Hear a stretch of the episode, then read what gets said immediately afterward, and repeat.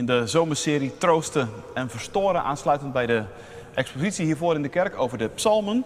Vandaag psalm 68. We lezen niet de hele psalm, maar wel de eerste 20 versen. En daarna leest Erik nog uit het evangelie, Lucas 12, vers 29 tot en met 34. Horen wij het woord van God. Voor de koorleider van David een psalm, een lied. God staat op.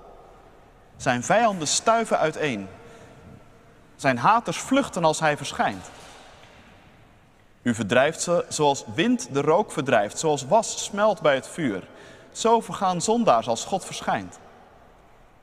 Maar de rechtvaardigen verblijden zich. Zij juichen als God verschijnt, uitgelaten van vreugde. Zing voor God, bezing zijn naam, maak ruim baan voor hem die door de vlakten rijdt. Heer is zijn naam, jubel als hij verschijnt. Vader van wezen, beschermer van weduwen, God in zijn heilig verblijf. God geeft eenzamen een thuis en gevangenen vrijheid en voorspoed. Opstandigen zullen wonen op dorre grond. God, toen u optrok aan het hoofd van uw volk, toen u voortschreed door de woestijn, beefde de aarde en water stortte uit de hemel toen God verscheen, de heerser van de Sinaï. Toen God verscheen, de God van Israël. U liet een milde regen neerdalen, God, en schonk uw uitgeputte land nieuwe kracht.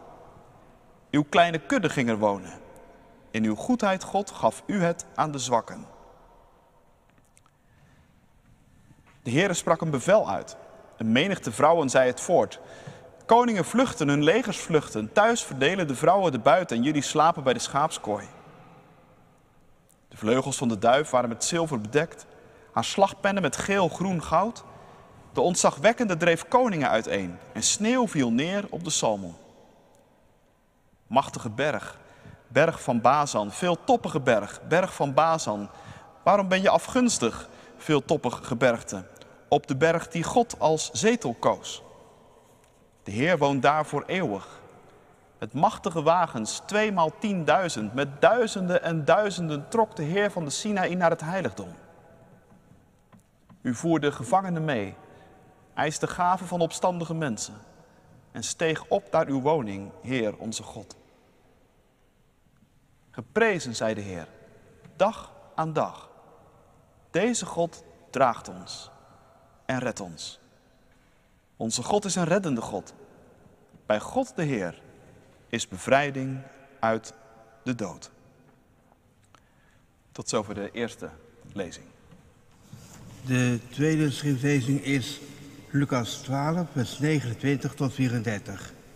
Ook jullie moeten niet nadenken over wat je zult eten en wat je zult drinken. En jullie moeten je niet door zorgen laten uh, kwellen. De volken van deze wereld jaren de dingen na. Maar jullie vader weet wat je nodig hebt. Zoek liever zijn koninkrijk en andere dingen zullen erbij gegeven worden. Vrees niet, kleine kudde, want jullie vader heeft jullie in het koninkrijk willen schenken. Verkoop je bezittingen en geef aalmoezen. Maak voor jezelf één geldbuidel die niet verzwaait en schat in de hemel die niet opraakt, waar één, waar één dief niet bij kan en die door geen mot kan worden aangevreten. Waar jullie schat is, daar, daar zal ook jullie hart zijn. Tot zover de lezingen deze ochtend. Gelukkig zijn wij als we de woorden van God horen, ze bewaren in ons hart en daar in vertrouwen uit leven. Halleluja. Amen. Uitgangspunt voor de verkondiging straks, naar aanleiding van Psalm 68, de versen 8 tot en met 11. Um, het gebeurt niet zo vaak dat je een hele complexe tekst hebt waarin allerlei verschillende vertalingen het allemaal net een klein beetje anders doen. Uh, dat is hier wel het geval. Daarom heb ik een, uh, een beetje een keuze gemaakt tussen wat verschillende uh, vertalingen waarvan ik dacht, dit is ongeveer wat er bedoeld wordt gezegd te zijn. En dat heb ik afgedrukt in de orde van dienst. Dus die vers wil ik nog een keer met jullie lezen. 68 vers 8 tot en met 11. O God, toen u voor uw volk uittrok, toen u voortschreed door de woestijn, beefde de aarde. Ook droop de hemel af voor Gods aangezicht. De Sinaï beefde voor het aangezicht van God, de God van Israël. U liet een milde regen van gaven neerdalen, o God. U hebt uw erfdeel gesterkt toen het uitgeput raakte. Uw kudde woonde daarin. U hebt het in uw goedheid gereed gemaakt voor de teneergedrukte. O God. Gemeente van Christus, broeders en zusters in de kerk of thuis met ons verbonden. De kinderen van groep 3 moeten van de gymzaal terug naar school. Lopend. Hoe dat in zijn werk gaat? Nou, de juf gaat voorop en zet er stevig de pas in. De kinderen volgen haar, twee aan twee, hand in hand. En achteraan loopt een van de ouders als een soort van bezemwagen. Het afgelopen schooljaar had ik de paar, een paar keer de eer om zo'n ouder te zijn. Vandaar dat ik een beetje weet hoe dat gaat. En sindsdien is mijn respect voor juffen van groep 3 weer behoorlijk gegroeid. Want ga er maar even aan staan. 30, 6, 7-jarigen lopend hier door de stad manoeuvreren. Dan ziet er weer één een prachtig bloemetje. Dan trapt er weer één op iemands hiel. Dan staat er weer één stil om wat te bekijken, waardoor er een groot gat ontstaat in de rij.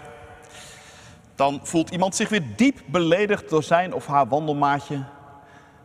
En ondertussen loopt de juf gewoon stevig door.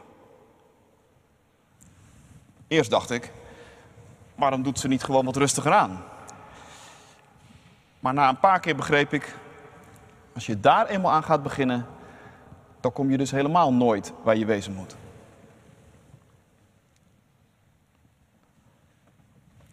Volgens Psalm 68 heeft de Heere God met eerbied gesproken iets weg van de juf van groep 3. Misschien vind je dat op het eerste gezicht niet zo'n passend beeld, maar als de Heere God zich in de Bijbel ook vrijmoedig laat vergelijken met pottenbakkers, met stratenbakers, met herders, met vroedvrouwen, dan misstaat de juf van groep 3 toch ook niet in dat rijtje, dacht ik. God, begint Psalm 68, vers 8, toen u voorttrok voor uw volk uit. Toen u voortschreed door de woestijn. Daar wordt een woord gebruikt dat je ook wel met marcheren kunt vertalen. God gaat voor de troepen uit zoals de juf voor groep 3 uitmarcheert. En dat is nodig ook dat God voorop gaat en de vaart er een beetje inhoudt.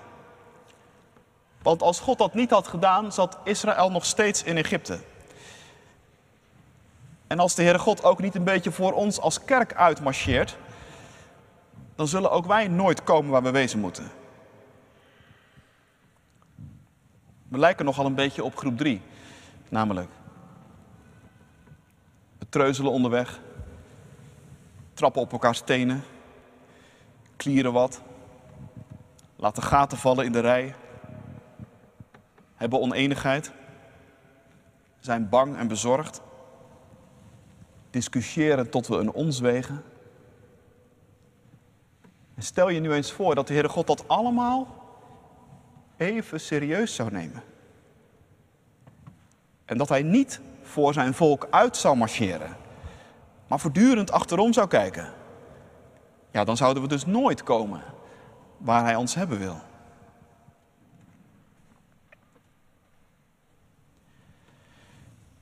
Psalm 68 is een complex psalm. Het lijkt een beetje op een kralenketting met allemaal verschillende beelden en fragmenten die een beetje losjes zo aan elkaar geregen lijken te zijn. Maar de draad waaraan al die kralen hangen, dat is toch wel deze terugkerende overtuiging dat God in charge is. Als God opstaat, dan gebeurt er iets. Dan kun je grote dingen verwachten. Uitleggers denken dat het gebruikt werd als een lied bij feestelijke gelegenheden. En hoe gaat dat? Wat doe je bij feestelijke gelegenheden? Bij een jubileum, een bruiloft of een herdenking. Dan worden er nog eens verhalen opgehaald. Verhalen die we elkaar graag vertellen. Verhalen die we ook meestal wel graag horen. Gebeurtenissen, herinneringen. Weet je nog van toen en toen? Dit is het verhaal van onze familie, zeggen we dan. Of dit is het verhaal van onze, ons volk of van ons bedrijf. Dit maakt ons tot wie we zijn. En daar zijn we dan trots op. Zo ook een beetje in deze psalm. De beelden zijn allemaal bijna over de top, zou je bijna zeggen. Er zit wel wat bravoure in deze psalm. En in die paar versen die wij vanmorgen als uitgangspunt nemen, daar wordt het verhaal van de uittocht uit Egypte nog een keer opgehaald. Van de woestijnreis en van de intocht in het beloofde land. Een hele beslissende periode. Een periode waarin God zijn volk Israël helemaal opnieuw vormde. Want je weet denk ik, het ging niet in één rechte lijn vanuit Egypte naar Canaan. Daar zat een hele lange woestijnreis tussen. En in de woestijn, als alle gemak en comfort eventjes weg is, als dat even ver te zoeken is, ja, dan komt het op je karakter aan. Dan komt het uit op, uit, aan op uithoudingsvermogen. Dan komt het aan op vertrouwen. En dan leer je ook jezelf wel een beetje kennen. Israël leerde zichzelf kennen als een kibbelende, treuzelende, mokkende, God wantrouwende groep 3. De Bijbel doet daar bijzonder eerlijk verslag van. Maar Israël leerde in die periode ook God kennen in zijn macht en majesteit. De aarde beefde, zegt de psalm, voor het aangezicht van God. De hemelen dropen, in de zin van ze dropen gewoon af. De Sinaï sidderde. Stuk voor stuk enorme, grote en indrukwekkende beelden. In de woestijn heeft Israël ervaringen opgedaan met God die een geweldige indruk hebben achtergelaten. En waardoor men het diep van onder de indruk raakte dat als God opstaat, als Hij zich daadwerkelijk laat zien zoals Hij is, in Zijn macht en majesteit, dat wij dan nergens zijn. Op die manier oog in oog met God. Dat is voor ons mensenkinderen sterven.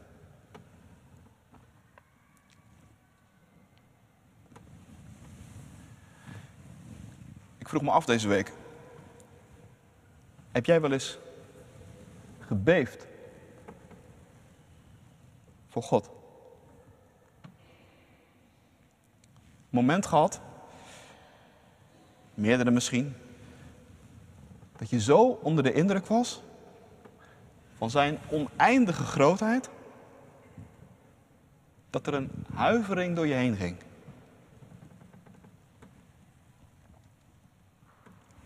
Een moment waarop je dacht, voelde,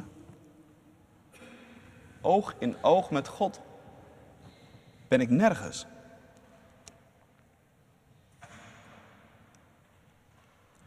Moet dat dan, zeg je? Nou ja, ik ben altijd een beetje aarzelend met het woord moeten. Maar hier zou ik toch eigenlijk wel willen zeggen ja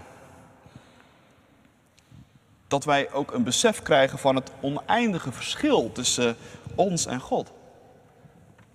Dat hoort wel bij de vorming op de school van het geloof, om het even zo te zeggen. Zoals het ook bij de vorming van Israël hoorde in de woestijn.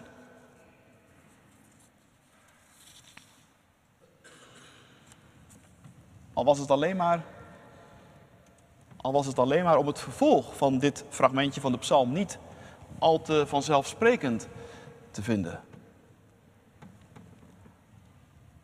Want misschien viel het je meteen al op dat er een heel groot contrast zit tussen vers 8 en 9 en vers 10 en 11. In vers 8 en 9 zijn de beelden groot en indrukwekkend. En in vers 10 en 11 zijn ze ineens vol mildheid en vriendelijkheid en nabijheid. Niet vol van sidder en huiver.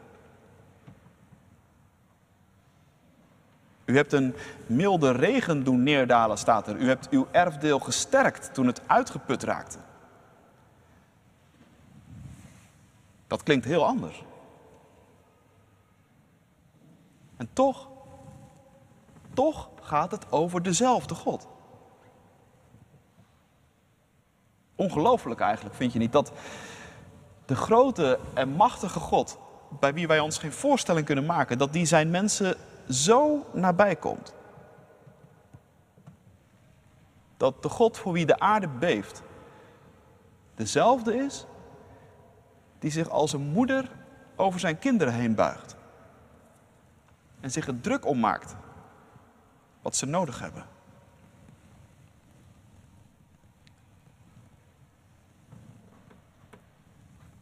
Bij die milde regen, milde regen van gaven kun je ook wel vertalen, kun je denken aan het manna natuurlijk, waarmee God zijn volk in de woestijn te eten gaf. Elke morgen was het er weer, alsof het s'nachts zomaar uit de hemel was komen vallen.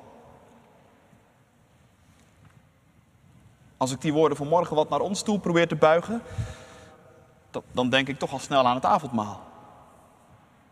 God komt vandaag naar ons toe in de tekens van brood en wijn. Brood uit de hemel zou je kunnen zeggen. Een milde regen van gaven. Bedoeld om je te sterken op je weg achter Jezus aan, wanneer je uitgeput dreigt te raken.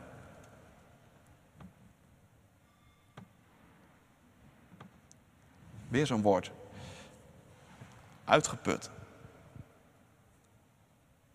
Ik ben benieuwd of dat een gevoel is dat je ook herkent. Uitgeput zijn. Ik kom geregeld wel uitgeputte mensen tegen. Ook onder jullie. Soms lichamelijk. Het is je allemaal te veel geworden en je trekt het gewoon even niet meer. Je lichaam zegt ho en, en, en alles stopt gewoon. Soms ook geestelijk. Je kunt ook zo ongelooflijk moe raken van jezelf. Moe van je ongeloof. Van je liefdeloosheid. Moe van die verslaving die zo aan je trekt. En die je maar zo moeilijk onder de knie krijgt. Moe van die gedachtenstroom die maar niet tot rust wil komen. Moe van dit en van dat, joh, verzin het. Er bestaat ook zoiets als een uitputting van onze ziel. En daar lijden niet weinig mensen aan.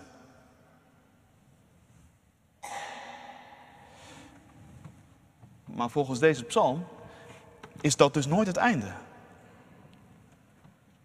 Uitgeputte mensen worden opgezocht zegt het lied. Notabene, door God zelf. Als hij komt met zijn milde regen van gaven. Manna in de woestijn.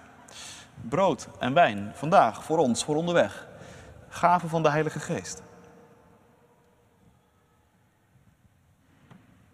Als wij alleen oog in oog met God zouden zijn in zijn majesteit, dan zou dat onze dood betekenen. Maar dat is nu precies wat God niet wil. Daarom komt Hij naar ons toe met zijn gaven. En Gods gaven, dat is het eeuwige leven.